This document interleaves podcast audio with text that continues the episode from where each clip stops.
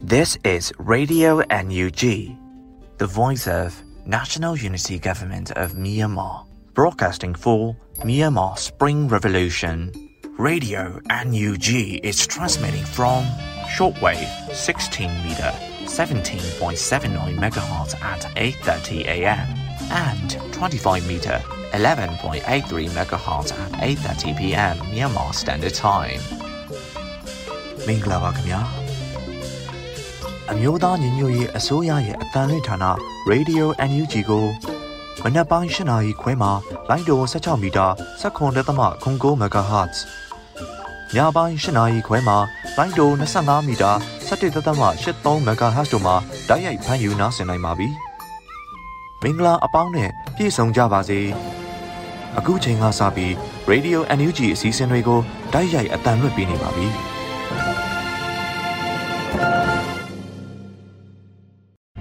Radio UNG မှနှုတ်ခွန်းဆက်ပါတယ်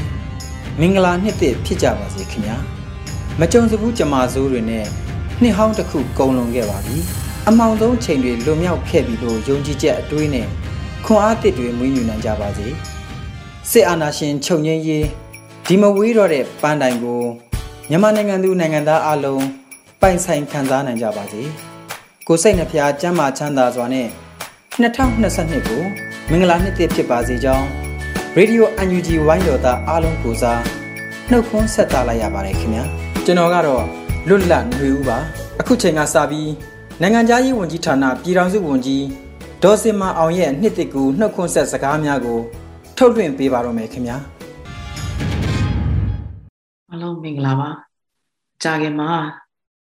2021ခုနှစ်ဟာအကုန်ဆုံးတော့မှာဖြစ်ပါတယ် ကုန်လွန်ခဲ့တဲ့ဒီနှစ်သက်ကြရဟာကျမတို့နိုင်ငံအတွက်တော့အမတန်မှခက်ခဲကြမ်းတမ်းခဲ့တဲ့နှစ်တစ်နှစ်လည်းဖြစ်ပါတယ်ကျမတို့တိုင်းသားပေါင်းစုံလူမျိုးပေါင်းစုံဘာသာပေါင်းစုံပြည်သူတွေဟာလူသားရဲ့ဂုဏ်သိက္ခာလွတ်လပ်မှုတွေကိုလူယူခံလိုက်ရရုံသာမကအကြမ်းဖက်စစ်တပ်ရဲ့လူသားမျိုးနွယ်စုအပေါ်ကျူးလွန်တဲ့ရာဇဝတ်မှုတွေအောက်မှာခက်ခဲကြမ်းတမ်းဆုံးကာလကိုဖျက်ဆီးနေကြရတာဖြစ်ပါတယ်မကြခင်ကြားရောက်တော့မယ်နှစ်သိကိုကြိုးဆိုရင်းနဲ့ကျမတို့ဟာလူခွင့်ရေးနဲ့ လူသားဂုံတိတ်ခါအတွက်ဆင်နွှဲနေရတဲ့တော်လန်ကြီးရဲ့ရှိတ်အဟုန်ကိုလည်းဆက်လက်ထိန်းသိမ်းထားရအောင်မှာဖြစ်ပါတယ်။ခုချိန်ထိကြံ့ကြံ့ခံရက်တီလာခဲ့တဲ့နောက်မှာတော့ကျမတို့ပြည်သူလူထုတွေဟာလာမယ့်နှစ်သစ်မှာအောင်ပွဲနဲ့သာထိုက်တန်နေဆိုတာယုံမှားတန်တရားဖြစ်เสียမရှိတော့ပါဘူး။ကျမတို့တိုင်းသားလူမျိုးပေါင်းစုံပြည်သူတွေရဲ့အိမ်မက်တွေအတွက်လွတ်လပ်မှုနဲ့တရားမျှတမှုအတွက်နှစ်သစ်မှာအာသစ်အင်သစ်တွေနဲ့ဆက်လက်တန်မာနေဖို့ညီညွတ်နေဖို့လိုအပ်ပါတယ် လိုအပ်တဲ့အတိုင်းလည်းပဲကျမတို့တွေဟာအတွင်းပြင်အားလုံးညီညွတ်ကြပါစေကြောင်းတူဦးချင်းတယောက်ချင်းစီတိုင်းဟာလည်းကြမ်းကြမ်းမာမာနဲ့စိတ်ခွန်အားပြည့်ဝစွာနဲ့နှစ်သစ်ကိုကြိုးစိုးနိုင်ကြပါစေကြောင်းဆုတောင်းမေတ္တာပို့သလိုက်ရပါတယ်ကျေးဇူးများကြီးတင်ပါတယ်ဆက်လက်ပြီးပြည်ထရေးနဲ့လူဝင်မှုကြီးကြပ်ရေးဝန်ကြီးဌာနပြည်ထောင်စုဝန်ကြီးဦးလွင်ကိုလက်ကလည်းနှစ်သစ်ကူနှုတ်ခွန်းဆက်စကားများကိုခုလိုပြောကြားသွားပါတယ်ကျွန်တော်တို့ နိုင်ငံသူနိုင်ငံသားများအားလုံးမင်္ဂလာပါလို့နှုတ်ခွန်းဆက်ပါတယ်။အဲဒီနေ့ဟာ2021ခုနှစ်ရဲ့နောက်ဆုံးနေ့ရက်ဖြစ်ကျွန်တော်တို့အားလုံးဟာ2021ခုဆိုတဲ့ဒီတက်နှစ်တစ်ခုကိုလာကြီးစရာတွေခြေကွဲစရာတွေပူလောင်မှုတွေနဲ့ကျွန်တော်တို့နှုတ်ဆက်ကြရတော့မှာဖြစ်ပါတယ်။ဒါပေမဲ့ဆရာနာသိမ့်မှုဖြစ်ပေါ်ပြီးတဲ့နောက်ပိုင်းမှာ ကျွန်တော်တို့အားလုံးအာဏာရှင်ရဲ့ဖိနှိပ်မှုတွေအကြမ်းဖက်မှုတွေကိုခါစီပြီးအတူတူခံခဲ့ကြရတယ်လို့ပဲတပြိုင်နက်တည်းမှာပဲတက်တရှိတဲ့ကျွန်တော်တို့ပြည်သူလူထုဟာကျွန်တော်တို့နိုင်ငံရဲ့လွတ်လပ်ပြီးတော့တန်းတူညီမျှတဲ့နိုင်ငံတစ်ခုဖြစ်ဖို့အတွက်ဖြစ်ပေါ်လာတဲ့ပြဿနာတွေကို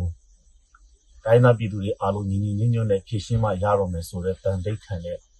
တော်လှန်ရေးကိုလည်းပဲတပြိုင်နက်တည်း စတင်ခဲ့တဲ့နှစ်လို့ကျွန်တော်တို့ပြောပြကြပါတယ်။ဘာကြောင့်ကျွန်တော်တို့ဒီလိုပြောရလဲဆိုလို့ရှိရင်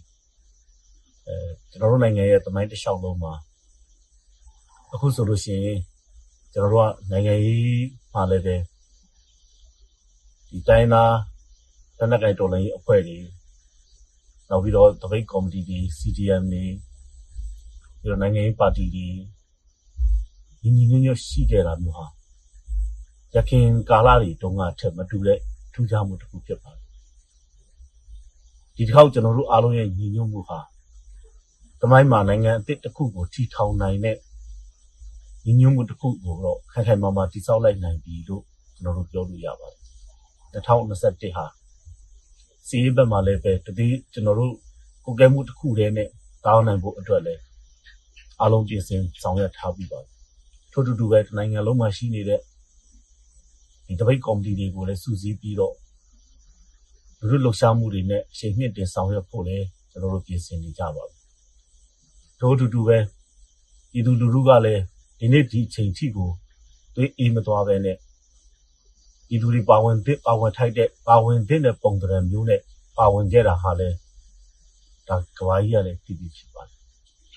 ။ဒါကြောင့်မို့လို့ကျွန်တော်လာမယ့်2022ခုနှစ်ဟာကျွန်တော်တို့ရဲ့ညီညွတ်မှုတွေ ကျွန်တော်တို့ရဲ့ဗပောင်းဆောင်ကနေပြီးတော်လန်ရေးကိုအရှိန်နှစ်ပါဝင်မှုတွေနဲ့အတူတူလွတ်လပ်တဲ့ဒန်းတူညီများမှုရှိတဲ့လူမျိုးကြီးဝါဒကင်းစင်တဲ့နိုင်ငံအသစ်တစ်ခုကိုခိုင်ခိုင်မာမာအပြည့်အချတိစောက်နိုင်တော့မယ်လို့ကျွန်တော်ဒီနေရာနေပြီးတော့ယုံကြည်ကြည်ပြောချင်ပါတယ်ကျွန်တော်နိုင်ငံမှာရှိနေတဲ့နိုင်ငံသားအားလုံးကလည်းပဲဒီ2022ခုနှစ်အတွင်းမှာပေါ်ပေါက်လာမဲ့ အရှိန်ဟုန်မြင့်တဲ့နောက်ဆုံးပွဲသိမ်းတော်လှန်ရေးအဆင့်ဆင့်ဟာမကြမီပေါ်ပေါက်လာတော့မှာဖြစ်ပါတယ်အဲ့ဒီဒေါ်လာရေးအရှင်အဟုန်ဒေါ်လာရေးအဆင့်ဆင့်လုပ်ငန်းစဉ်တိုင်းမှာလည်းပဲနိုင်ငံသားတဦးချင်းစီကတာဝန်ရှိတယ်ဆိုတော့ဒီတန်တိတ်ထန်တဲ့ခိုင်ခိုင်မာမာဆက်လက်ပူးပေါင်းပါဝင်ကြဖို့လဲကျွန်တော်တို့တိုက်တွန်းပါတယ်ဒေါ်လာရေးတရက်လုပ်တယ်ဆိုတာကပြည်သူတွေရဲ့ပူးပေါင်းပါဝင်မှုနဲ့သာလျှင် အောင်မြင်အောင်ကျွန်တော်တို့ဆောင်ရွက်နိုင်မှာဖြစ်ပါတယ်ကျွန်တော်မျိုးသားညီညွတ်ရေးအစိုးရအဖွဲ့နောက်ပြီးတော့မျိုးသားညီညွတ်ရေးအတိုင်းအမြန်ကောင်စီအဖွဲ့ဒီအနေနဲ့လည်းပဲဒေါ်လာရေးဥဆောင်မှုကိုဟိုပြပြတသားခိုင်ခိုင်မာမာရုံကြည်ကြည်နဲ့ဆက်လက်ဆောင်ရွက်ကြဖို့တန်တိတ်ထန်နေရှိနေပါပြီလုပ်ငန်းစဉ်ကြီးခိုင်ခိုင်မာမာရှိနေပြီဖြစ်ပါတယ်ဒါကြောင့်မို့လို့ခိုင်မာတဲ့တန်တိတ်ထန်နေနဲ့ဟော2020ခုနှစ်မှာဒေါ်လာရေးကို အပိသက်အောင်ပွဲဖြစ်အောင်အပိသက်တိုက်ပွဲကိုကျွန်တော်တို့အတူတူဆင်နွှဲကြရအောင်လို့တန်တိတ်ထန်ပြည်ရင်းနဲ့ပဲနှစ်တစ်ဆူတောင်းစကားကိုကျွန်တော်ဒီနေရာမှာအဆုံးသတ်ပါတယ်အားလုံးကျန်းမာချမ်းသာကြပါစေပူဆွေးမှုတွေတောကတွေဆုံးရှုံးမှုတွေဟာ2020နဲ့တစ်ခုနှစ်မှာကျန်ခဲ့ပါတယ်2022ခုနှစ်ဟာမြန်မာနိုင်ငံရဲ့တန်းတူညီမျှတဲ့ဖရပြောင်းမှုနိုင်ငံတည်ထောင်ရေးအတွက်မိုင်းဝင်ခဲ့တဲ့နှစ်တစ်ခုအဖြစ်အောင်ပွဲရတဲ့နှစ်တစ်ခု အဖြစ်ကြံနေခဲ့ရပါတယ်အားလုံးကျေးဇူးတင်ပါတယ်ကာကွယ်ရေးဝန်ကြီးဌာနပြည်ထောင်စုဝန်ကြီးဦးရေမွန်ရဲ့နှစ်တစ်ကူနှုတ်ခွန်းဆက်စကားသံများကိုဆက်လက်နားဆင်ရပါမယ်ခင်ဗျာပြည်သူ့ကာကွယ်ရေးတပ်မတော်သားများနဲ့ပြည်သူများခင်ဗျာမကြာခင်ဆက်ရောက်တော့မဲ့2022နှစ်သစ်မှာအားလုံးကိုစိတ်ကြမ်းမာချမ်းသာပါစေကြောင်းမေတ္တာပို့သအပ်ပါတယ်အခုချိန်ဟာကျွန်တော်တို့အနေနဲ့ နှစ်ဟောင်းကိုပြန်ကြည့်ပြီးနှစ်သစ်ကိုမျှော်မြင်ကြရမယ့်အချိန်လို့ပြောချင်ပါတယ်2021ခုနှစ်ကတော့မြန်မာနိုင်ငံတမိုင်းမှာအကြီးတန်းဆုံးစစ်အာဏာသိမ်းမှုကိုကြုံခဲ့ကြရပါတယ်စစ်အာဏာရှင်စနစ်သက်ဆိုးရှည်ရေးကိုဥတီတဲ့ဒီစစ်အာဏာသိမ်းမှုကိုမြန်မာပြည်သူတွေအနေနဲ့အမျိုးသားညီညွတ်မှုတည်ဆောက်ရင်းပြည်သူခုခံတွန်းလှန်စစ်ကိုဆင်နွှဲခဲ့ကြရပါတယ်ဒီစစ်ပွဲမှာ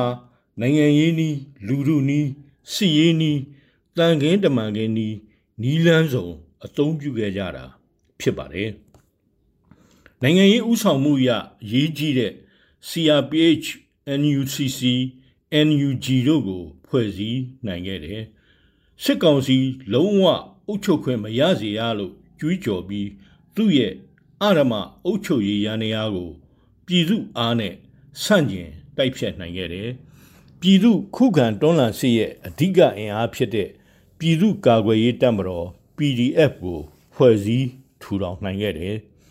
PDF နဲ့လက်တွဲတိုက်ပွဲဝင်မဲ့ပြည်သူကာကွယ်ရေးအဖွဲ့ပကဖများဒေသအခြေပြုကာကွယ်ရေးတပ်ဖွဲ့များဖွဲ့စည်းထူထောင်နိုင်ခဲ့တယ်မဟာမိတ်များနဲ့စီရေးဆိုင်ရာပူးပေါင်းဆောင်ရွက်မှုပေါင်းစပ်ညှိနှိုင်းမှုနဲ့ဥဆောင်ကုတ်ကဲမှုပြုမဲ့ဗဟိုကုတ်ကဲရေးနှင့် ပေါင်းစပ်ညှိနှိုင်းရေးကော်မတီ C3C နဲ့တကွာအခြားစီရေးမဟာမိတ်စုဖွဲ့မှုများဖော်ဆောင်နိုင်ခဲ့တယ်။ဒါတွေဟာ2021ခုနှစ်မှာစိုက်ထူနိုင်ခဲ့တဲ့တော်လန်ရေးမှတ်တိုင်များပဲဖြစ်ပါတယ်။2021ခုနှစ်ဟာတော်လန်ရေးရေသောမြစ်ချတဲ့နှစ်လို့ဆိုနိုင်ပြီး2022ခုနှစ်ကတော့တော်လန်ရေးအောင်ပွဲများရယူမဲ့နှစ်လို့ဆိုကြပါတယ်။ရှေ့မှာ ပြည်သူတော်လန်ရေးအင်အားစုတွေဟာလူအင်အားရန်ပုံငွေအင်အားလက်နက်အင်အားပိုကောင်းလာဖို့ရှိပါတယ်။ command and control ပိုကောင်းလာဖို့ရှိပါတယ်။မဟာဗျူဟာနဲ့နီးဗျူဟာချမှတ်ကျင့်သုံးမှုပိုကောင်းလာဖို့ရှိပါတယ်။ NUG နဲ့တိုင်းရင်းသားလက်နက်ကင်တော်လှန်ရေးအဖွဲ့များကြားမဟာမိတ်ဆက်ဆံရေးတည်ဆောက်မှုနဲ့ပူးပေါင်းဆောင်ရွက်မှု ပိုကောင်းလာဖို့ရှိပါတယ်။ဒီဖြစ်ပေါ်တိုးတက်မှုတွေဟာတော်လှန်ရေးအောင်မြင်မှုအတွက်အခြေခံအုတ်မြစ်များတည်ဆောက်နိုင်ခြင်းပဲဖြစ်ပါတယ်။ပြည်သူခုခံတော်လှန်စစ်ကာလအတွင်းအကြမ်းဖက်စစ်ကောင်စီဟာနိုင်ငံရေးစစ်ရေးနိုင်ငံတကာရေးအဖက်ဖက်ကအခြေရိုင်းအခြေပြက်လာပြီဆိုတာထင်ရှားပါတယ်။သို့တော့ငင်းညာနီးမိတော့လိုပဲ သူ့ရဲ့အကြမ်းဖက်မှုတွေဟာပြည်သူအပေါ်ပိုးပြီးလောင်မြိုက်လာနိုင်တယ်လို့ခန့်မှန်းရပါတယ်။2022ခုနှစ်ရဲ့ရှေ့ပိုင်းကာလဟာပြည်သူတော်လှန်ရေးအတွက်အရေးကြီးတဲ့ကာလအပိုင်းခြားလို့ပြောကြပါတယ်။ဒီကာလအတွင်းစစ်ကောင်စီရဲ့အကြမ်းဖက်စစ်ဗျူဟာကိုတော်လန်စစ်နဲ့ကျွန်တော်တို့ဥချိုးပြရပါလိမ့်မယ်ဒီလိုဆောင်ရွက်နိုင်ဖို့ ကျွန်တော်တို့ပြည်သူတွေအနေနဲ့ရှေ့မှာကြုံရနိုင်တဲ့ဆင်းရဲဒုက္ခတွေကို ကာလတစ်ခုအထိကြံ့ညံ့ခံပေးကြဖို့တိုက်တွန်းလိုပါတယ်ပြည်သူတော်လှန်ရေးအင်အားစုများဟာပိုးပြီးစုစည်းညီညွတ်ကြဖို့နဲ့ဗျူဟာမြောက်ဟန်ချက်ညီအလုံးလုံးနိုင်ကြဖို့လိုပါတယ်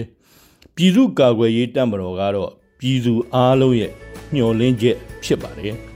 ပြည်သူတွေမျှော်လင့်တဲ့ တော်လှန်ရေးပန်းတိုင်ရောက်သည့်အထိမဆုံးမနစ်ဆက်လက်ခြိတက်ကြပါစို့လို့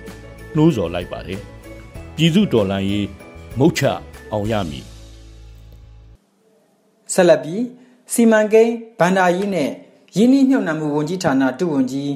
ဦးမင်းစေရဦးရဲ့နှစ်တကူစကားသံများကို ထုတ်လွှင့်ပေးပါမယ်ခင်ဗျာအားလုံးပဲမင်္ဂလာပါမကြခင်2021နှစ်ဟောင်းကုန်ဆုံးပြီး 2022နှစ်တစ်ကိုပြပြောင်းတော့မှာဖြစ်ပါတယ်နှစ်တစ်မှာ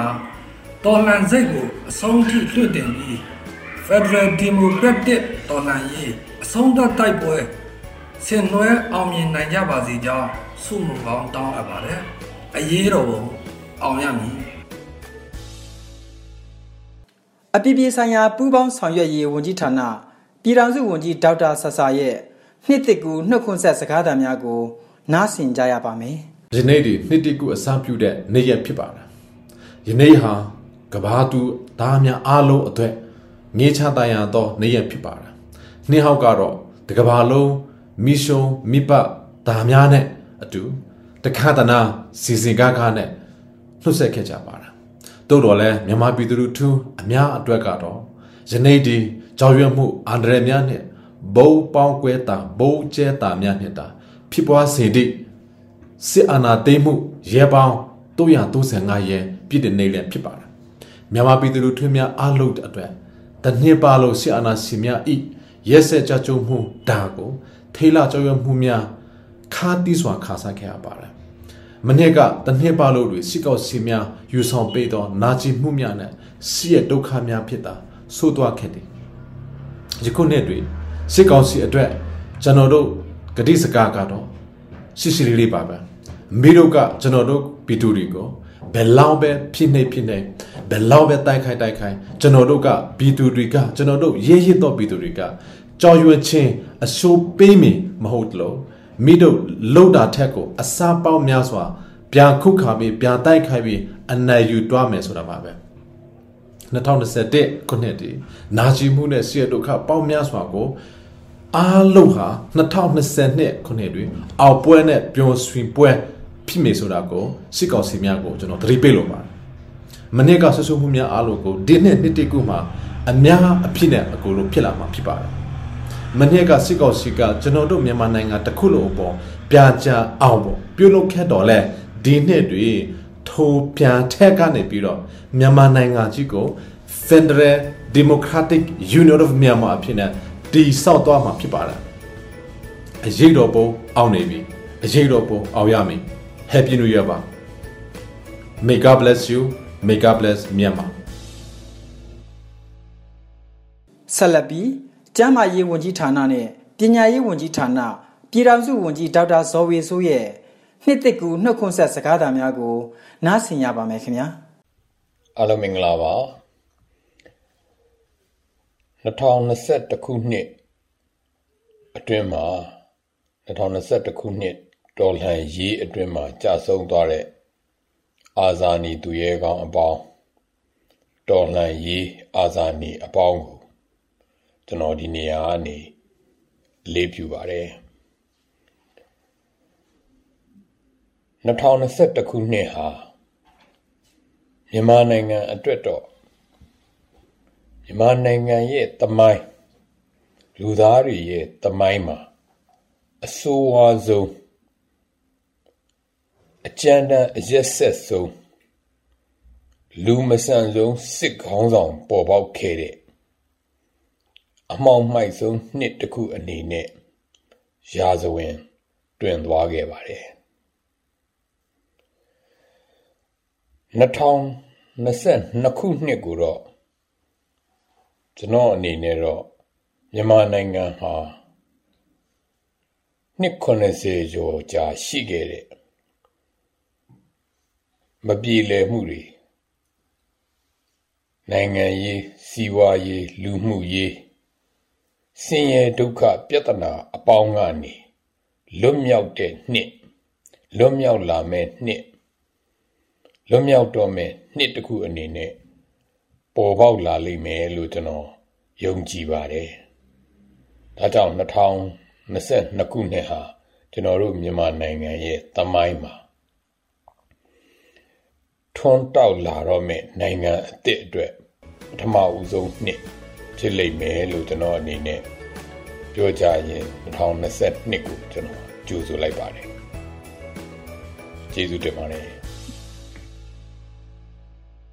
ဆက်လက်ပြီး ကျန်းမာရေးဝန်ကြီးဌာနဒုတိယဝန်ကြီးဒေါက်တာရွှေပုံရဲ့နှစ်တစ်ကူနှုတ်ခွန်းဆက်စကားများကိုလည်းနားဆင်ရဖို့ရှိပါတယ်ခင်ဗျာအားလုံးပဲမင်္ဂလာပါကျမတို့အားလုံးအခုဆိုရင်ခရစ်နှစ်2021ခုနှစ်ရဲ့နောက်ဆုံးနေ့ရက်ကိုရောက်နေပါပြီအရင်နှစ်တွေကဆိုလို့ရှိရင်ကျမတို့တို့ဟာမိသားစုတွေဆွေမျိုးမိတ်ဆွေတွေနဲ့နှစ်ဟောင်းကိုနှုတ်ဆက်နှစ်တစ်ကိုကြိုဆိုတဲ့အနေနဲ့စိတ်အေးလက်အေးဖြတ်တန်းခဲ့ကြပါတယ်အခုနှစ်စမှာတော့မဲစည်းရင်းကိုအကြောင်းပြုပြီး အကြမ်းဖက်စစ်ကောင်စီကအာဏာကိုအတင်းလူယူပြည်သူကိုနှိပ်စက်တပ်ဖြတ်တိုင်းရင်းသားဒေသတွေကိုအကြမ်းဖက်တိုက်ခိုက်လို့အခုဆိုနေရာဒေသအများအပြားမှာအိုးအိမ်ဆွန့်ခွာထွက်ပြေးကြရပါပြီစစ်ဘေးရှောင်တွေဖြစ်ကြရပါတယ်ယောဂကပ်ဘေးကလည်းထတ်ချက်မကွာလိုက်လာနေလို့အပူပေါ်အပူဆင့်ဖြစ်နေကြရပါတယ်ဒါတွေအားလုံးဟာရဲ့တရခမ်းတမိုင်းတရခမ်းကတော့အကြမ်းဖက်စစ်တပ်နဲ့မဲအောင်လှိုင်ပဲဖြစ်ပါတယ်အာနာရှင်စနစ်နဲ့ကျမတို့နိုင်ငံကို အမှောင်တိုက်ထဲပြန်ထဲဖို့သူတို့လုပ်နေကြပြီမဲ့ကျမတို့တိုင်းရင်းသားပြည်သူအားလုံးဟာလုံးဝလက်မခံပဲလက်ရှိအချိန်ထိစန့်ကျင်တွန်းလှန်နေကြတာအားလုံးသိနေကြပါတယ်တော်လှန်ရေးကာလအတွင်းကြဆုံးခဲ့ရတဲ့မိဘညီကို မောင်နှမအားလုံးကို ကျမဒီနေရာကနေဂါရဝပြုရင်အနာဂတ်ဖက်ဒရယ်ပြည်ထောင်စုပေါ်ပေါက်လာတဲ့အထိဆက်လက်စ조사သွားပါမယ်လို့ကတိပြုပါတယ်။လာမယ့်2022ခုနှစ်မှာကျမတို့ရဲ့ပန်းတိုင်ဖြစ်တဲ့ စစ်အာဏာရှင်စနစ်ချုပ်ငြိမ်းပြီးစစ်မှန်တဲ့ Federal Democracy စနစ်ကိုရရှိမယ်လို့အကျွမ်းမဲ့ယုံကြည်ပါတယ်။အားလုံးပဲနှစ်ဟောင်းမှနှစ်တစ်ကူပြောင်းချိန်ကျမ်းမာပါစေစိတ်ချလုံခြုံနိုင်ပါစေယောဂကပ်ဘေးကင်းဝေးပါစေလို့ဆုတောင်းပါတယ်။ကျေးဇူးတင်ပါတယ်။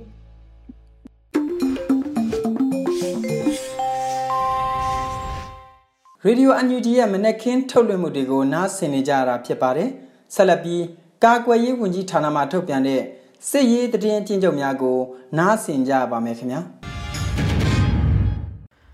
ကာကွယ်ရေးဝန်ကြီးဌာနအမျိုးသားညီညွတ်ရေးဆိုရမှထုတ်ဝေတဲ့နေ့စဉ်စစ်ရေးတည်င်းချင်းချုပ်ကိုတင်ဆက်ပေးတော့မှာဖြစ်ပါတယ်ကျွန်တော်ကတော့ຫນွေဦးလင်ပါပါစစ်ကောင်စီနဲ့တိုက်ပွဲဖြစ်ပွားမှုသတင်းတွေကိုတင်ဆက်ပေးကြပါမယ်။စကိုင်းတိုင်းမှာ ဇန်နဝါရီလ၁ရက်နေ့မနက်3နာရီခန့်ကဝက်လက်မြို့နယ်စတောင်ကြီးရွာနဲ့ရွာသားကြီးကျွော်ကြားတကောင်တောင်ကျွော်နီမှာစစ်ကောင်စီ Express ကားတစ်စီးကိုဒေသကာကွယ်ပျောက်ကြားအဖွဲ့ကမိုင်းခုနှလုံးဖြင့်တိုက်ခိုက်နိုင်ခဲ့ကြောင်းသိရှိရပါတယ်ခင်ဗျာ။ဇန်နဝါရီလ၁ရက်နေ့မနက်အစောပိုင်းကမုံရွာမြို့ဘူဒီဇလမ်းမမောင်းနှင်လာတဲ့စစ်ကောင်စီကားနှစ်စီးကိုငှဝါလမ်းကွေမှာမုံရွာစီတန်ဖွဲမှရှေ့ထွက်မိုင်းသုံးလုံးနဲ့ဖောက်ခွဲတိုက်ခိုက်နိုင်ခဲ့ကြောင်းသိရှိရပါတယ်ခင်ဗျာ။ ဇန်နဝါရီလ၁ရက်နေ့မနက်၈နာရီခန့်ကရေဦးမြို့နယ်အင်တော်ရွာအတွင်းရိတ်ခါလာယူတဲ့စစ်ကောင်စီတပ်များကိုပြည်သူ့ကာကွယ်ရေးအဖွဲ့တစိရေဦးပူးပေါင်းဖွဲ့များကမိုင်းဆွဲတိုက်ခိုက်ခဲ့ရာစစ်ကောင်စီ9ဦးသေဆုံးခဲ့ကြောင်းသိရှိရပါတယ်ခင်ဗျာ။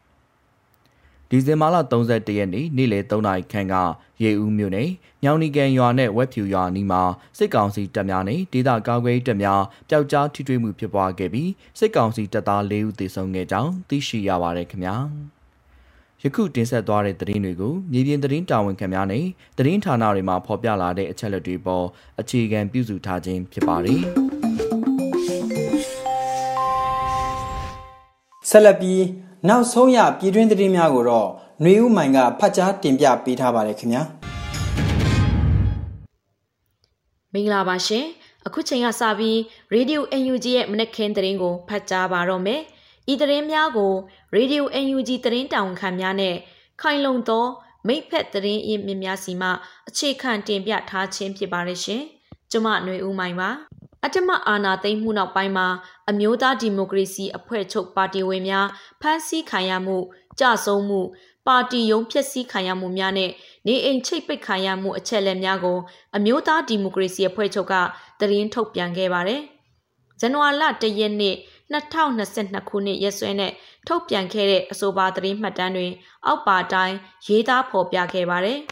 2021ဖေဖော်ဝါရီလ၁ရက်နေ့မှစတင်၍2021ဒီဇင်ဘာလ31ရက်နေ့ထိမတရားဖမ်းဆီးထိန်းသိမ်းခံရသည့်အမျိုးသားဒီမိုကရေစီအဖွဲ့ချုပ်ပါတီဝင်အရေးအတွက်စုစုပေါင်းမှာဥက္ကဋ္ဌဒေါ်အောင်ဆန်းစုကြည်ဒုဥက္ကဋ္ဌများဖြစ်ကြသောဦးဝင်းမြင့်ဒေါက်တာဇော်မြင့်မောင်တို့အပါအဝင် 649ဦးဖြစ်ပြီးပြန်လည်လွတ်မြောက်လာပြီးသူမှာ146ဦးရှိပါသည်ထိမ့်သိမ်းခံထားရစဉ်ကာလတွင်14ဦးကြဆုံးခဲ့ရက489ဦးမှာဖမ်းဆီးထိမ့်သိမ်းခံထားရဆဲဖြစ်ပါသည်။ဖမ်းဆီးထိမ့်သိမ်းခံရပြီးစစ်ကြောရေးကာလတွင်ဖြစ်စေအကျဉ်းကျနေစဉ်ကာလတွင်ဖြစ်စေပြန်လည်လွတ်မြောက်ပြီးမကြာမီကာလတွင်ဖြစ်စေကြဆုံးကွယ်လွန်ခဲ့သူ14ဦးမှာ ဗဟိုအလုတ်အမှုဆောင်အဖွဲ့ဝင်ဗဟိုပြန်ကြားရေးကော်မတီဥက္ကဋ္ဌဦးညံဝင်းဗဟိုပြန်ကြားရေးကော်မတီအတွင်းရေးမှူးမုံရွာအောင်ရှင်ခဦးအေးကျိုတို့အပါအဝင်ဦးခင်မောင်လက်ပပဲတန်းဦးစောမြက်လင်းရွှေပြည်သာဦးကျော်ကျော်ခအကမုံညိုစပြူတီရိဦးစိုးစံဝမ်တွင်ဦးအေးလှကြောက်တကားဦးညွန့်ရွှေပကိုးဦးဖြိုးဝေထွန်း6ဦးဝင်းကြိုင်လှိုင်သားယာခွန်ပွားထိုသွေးစီဆိုင် ဦးကျော်စန်းဦးပုပ္ပတိရိဦးတန်းထွန်းဦးခဦးမင်းကိုဦးတန်းထွန်းဦးခမင်းကိုသိန်းခဦးဖက်တီအောင်မြေတာဇန်တက်ထွေးမောင်ခမုံမှန်ခဒေါင်းမှန်ပြည်ကြီးတကွန်တို့ဖြစ်ပါသည်အဆိုပါ73ဦးနဲ့ဦးညံဝင်းဦးအေးလှဦးငွန့်ရွှေဦးဝင်းကြိုင်ခွန်ပွားထူသွေးတို့၅ဦးမှာထောင်တွင်းအကျဉ်းချခံရရစဉ်ကာလတွင်ကြဆုံးခဲ့သူများဖြစ်ပြီး ဦးခင်မောင်လက်ဦးဇော်မြက်လင်းဦးကျော်ကျော်ခအကမူးညိုဦးစိုးစံဦးဖြိုးဝေထွန်းဦးကျော်စန်းဦးဦးတန်းထွန်းဦးခမင်းကိုသိန်းခဦးဖက်တီတက်ထွေးမောင်ခမုံမှန်ခဒေါင်းမှန်တို့မှာစစ်ကြောရေးကာလအတွင်းတပ်ဖြတ်ခံရမှုကြောင့်ကြဆုံးခဲ့သူများဖြစ်ပါသည်မုံရအောင်ရှင်ခဦးအေးကျူသည် ပြန်လည်လွတ်မြောက်ပြီးတလအကြာတွင်ကြဆုံးခဲ့ရပါသည် ဖမ်းဆီးထိမ့်သိမ်းခံရသူများထဲတွင်လွတ်တော်ကိုယ်စားလှယ်များလည်းပါဝင်ပြီးစုစုပေါင်း100ဦးဖြစ်ပါသည်ပြန်လည်လွတ်မြောက်လာပြီးသူမှာ10ဦးရှိက62ဦးမှာဖမ်းဆီးထိမ့်သိမ်းခံထားရဆဲဖြစ်ပါသည်ထိမ့်သိမ်းခံထားရစဉ်အတွင်းကွယ်လွန်ခဲ့သူလွှတ်တော်ကိုယ်စားလှယ်တဦးရှိပါသည်စစ်တပ်အာဏာသိမ်းပြီးနောက်ပိုင်းအမျိုးသားဒီမိုကရေစီအဖွဲ့ချုပ်ဗဟိုယုံအပါဝင်တိုင်းနယ်ပြည်နယ်များရှိတိုင်းယုံမြို့နယ်ယုံ ရက်ကွက်ကျေးရွာယုံများကို မတမာသူအကြမ်းဖက်သမားများကဥပဒေမဲ့ဖျက်ဆီးလက်ရှိရာရရှိသောစည်ရင်းများအရဘိုဟိုယုံချုပ်အပါဝင် စုစုပေါင်း86ကြိမ်ရှိခဲ့ပြီးဖြစ်ပါသည်ထို့အပြင်အမျိုးသားဒီမိုကရေစီအဖွဲ့ချုပ်အဖွဲ့ဝင်များနဲ့လွှတ်တော်ကိုယ်စားလှယ်များပါတီဝန်းရံသူပြည်သူများ၏နေအိမ်နဲ့အဆောက်အဦများအားဥပဒေမဲ့ဝင်ရောက်၍ပစ္စည်းများတင်စီတည်ယူသွားခြင်း ပျက်စီးမိရှုခဲ့ခြင်းများအပြင်အကြောင်းအမျိုးမျိုးပြ၍နေအိမ်များကိုချိတ်ပိတ်မှုများရှိခဲ့ကာရရှိသောစီးရင်များအရာချိတ်ပိတ်ခံရသူစုစုပေါင်း89ဦးရှိခဲ့ပြီးဖြစ်ပါသည်အထက်တွင်ဖော်ပြခဲ့သောကိန်းဂဏအချက်လက်များသည်မြေပြင်ရှိပါတီဝင်များ၏အကူအညီဖြင့်အမျိုးသားဒီမိုကရေစီအဖွဲ့ချုပ်ဗဟိုလုပ်ငန်းကော်မတီ CWC ကကောက်ယူရရှိထားသော အချက်အလက်များသာဖြစ်ပြီးစည်ရင်းမရရှိသေးသူများရှိနိုင်ပါသည်ဟု၍အမျိုးသားဒီမိုကရေစီအဖွဲ့ချုပ်ဗဟိုပြန်ကြားရေးကော်မတီမှရေးသားဖော်ပြခဲ့ပါရရှင်။ဆက်လက်ပြီးဟာနာအထက်တန်းကျောင်းမှာကျောင်းလာမတက်တဲ့ကလေးတွေကိုတဦးငါးသိန်းပေးရမယ်ဆိုပြီးချင်းချောက်ကျောင်းတက်ခိုင်းနေတဲ့တည်ရှမ်းပြည်နယ်မြောက်ပိုင်းလာရှိုးမြို့နယ်ဟန်နာကျေးရွာအုပ်စုဟန်နာအထက်တန်းကျောင်းမှာ ကျောင်းမတက်တဲ့ကျောင်းသူကျောင်းသားတွေကိုစစ်ကောင်စီလက်အောက်ခံကျေးရွာအုပ်ချုပ်ရေးမှူးနဲ့ဆီယာမတွေကကျောင်းမတက်ရင်တဦးကိုငွေချေး9သိန်းပေးရမယ်လို့ချိန်ချောက်ပြီးကျောင်းအတင်းအဓမ္မကျောင်းတက်ခိုင်းနေတယ်လို့သိရပါဗျ။ဒေသခံကျောင်းသားမိဘတွေကသူတို့ကလေးတွေကိုကျောင်းမထားခြင်းပေမဲ့အတင်းအဓမ္မတက်ခိုင်းတာကြောင့်မဖြစ်မနေကလေးတွေကိုကျောင်းတက်ခိုင်းနေရတယ်လို့ဆိုပါတယ်။ဟန်နာကျေးရွာဒေသခံတဦးကတော့ကလေးတွေကျောင်းပေးမတက်ခြင်းပေမဲ့ ငွေကြေးတောင်းတော့ကျွန်တော်တို့မပေးနိုင်ဘူး။ကျောင်းမတက်ရင်ငွေကြေး9သိန်းပေးရမယ်လို့မိဘတွေကိုချိန်ချောက်ထားနေတယ်လို့သူကပြောပါတယ်။လက်ရှိဟာနာကျေးရွာစာတင်ကျောင်းမှာဆီယာမ9ဦးသာ CDM ပြုတ်လုထားပြီးလက်ရှိကြန့်ရှိနေတဲ့ဆီယာမ18ဦးအထိရှိတယ်လို့သိရပါတယ်။အလားတူလာရှုမြို့တွင်မှာလဲ CDM ကျောင်းဆီယာမတဦးစီမှာအခမဲ့ကျောင်းတက်နေတဲ့ကျောင်းသားတွေကိုလည်းနန်း CDM ဆီယာမတွေက ကျောင်းလာမတက်ရင်စာတင်ကျောင်းထဲပေးဝင်မှာမဟုတ်ကြောင်းလဲချင်းချောက်ခံထားရပါတယ်။ CDM မှာပါဝင်ထားတဲ့ကျောင်းဆီယာမတဦးက NUG အစိုးရဘက်ကလည်းကျမတို့ပြောထားတယ်ကလေးတွေကိုဒီတိုင်းမပစ်ထားနဲ့တက်နိုင်သလောက်စာတင်ကြားပေးထားအစိုးရပြန်တက်လာရင်ကလေးတွေကိုစာမေးပွဲအလွယ်တကူဖြေကြားနိုင်မှာပညာရေးအနှောင့်နေပညာရေးမနှောင့်နေတော့ဘူးဒါပေမဲ့ကလေးတွေကအခုအချင်းချောက်ခံနေရတယ်လို့ပြောပါတယ် လက်ရှိချင်းချောက်ခံထားရတဲ့ကျောင်းသူကျောင်းသားတွေဟာအထကနှစ်နဲ့အထကကျောင်းမှာအထကနှစ်နဲ့အထက6မှာကျောင်းပြန်သွားတက်ရတယ်လို့သိရပါတယ်။ကျောင်းကဆရာဆရာမတွေကမိဘတွေစီဖုန်းဆက်လာတယ်ဒီနေ့ချက်ချင်းလာတက်မရရင်တစ်သက်လုံးပေးတက်မှလည်းမဟုတ်ဘူးဆိုပြီးချင်းချောက်လာတယ်မိဘတွေကလည်းကြောက်လန့်ပြီးတော့ကလေးတွေကိုကြောင်းသွားတက်ခိုင်းကြတယ်ကျမစီလာတက်တဲ့ចောင်းသားတွေလည်းခုဆိုတော်တော်နေသွားတယ်လို့ CDM ဆီယာမတူကပြောပါတယ်လက်ရှိစက်ကောင်စီဖွင့်လှစ်ထားတဲ့ကျောင်းတွေမှာမနေ့ပိုင်းသာစာတင်ကြားပေးနေပြီးနေ့လယ်ပိုင်းမှာစာတင်ကြားခြင်းမရှိဘဲအကပိုင်းတွေကိုပဲတင်ကြားပေးတယ်လို့ဆိုပါတယ်လာရှုမြို့တွင်မှာအထက2နဲ့အထက6မှာကျောင်းဖွင့်ထားလက်ရှိနေပြီးကျောင်းသူကျောင်းသားအများစုကတော့ကျောင်းလာတက်ရောက်ကြခြင်းမရှိသေးပါဘူး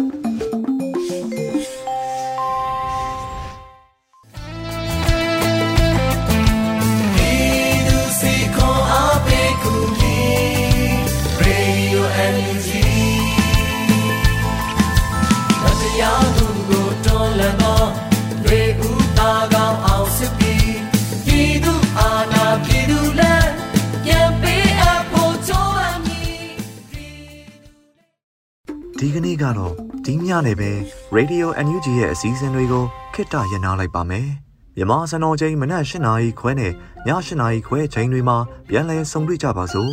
။ Radio NUG ကိုမနက်ပိုင်း၈နာရီခွဲမှာလိုင်းတို16မီတာစက္ကန့်တက်သမခုံကို MHz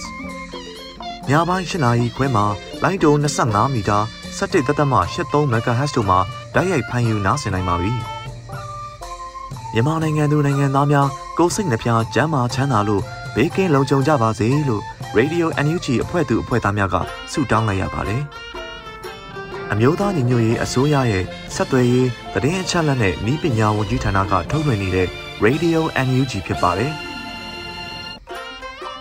San Francisco Bay Area အခြေစိုက်မြန်မာမိသားစုများနဲ့နိုင်ငံတကာကစေတနာရှင်များလှုပ်အားပေးများရဲ့ Radio NUG ဖြစ်ပါတယ်။အရေးတော်ပုံ အောင်ရမည်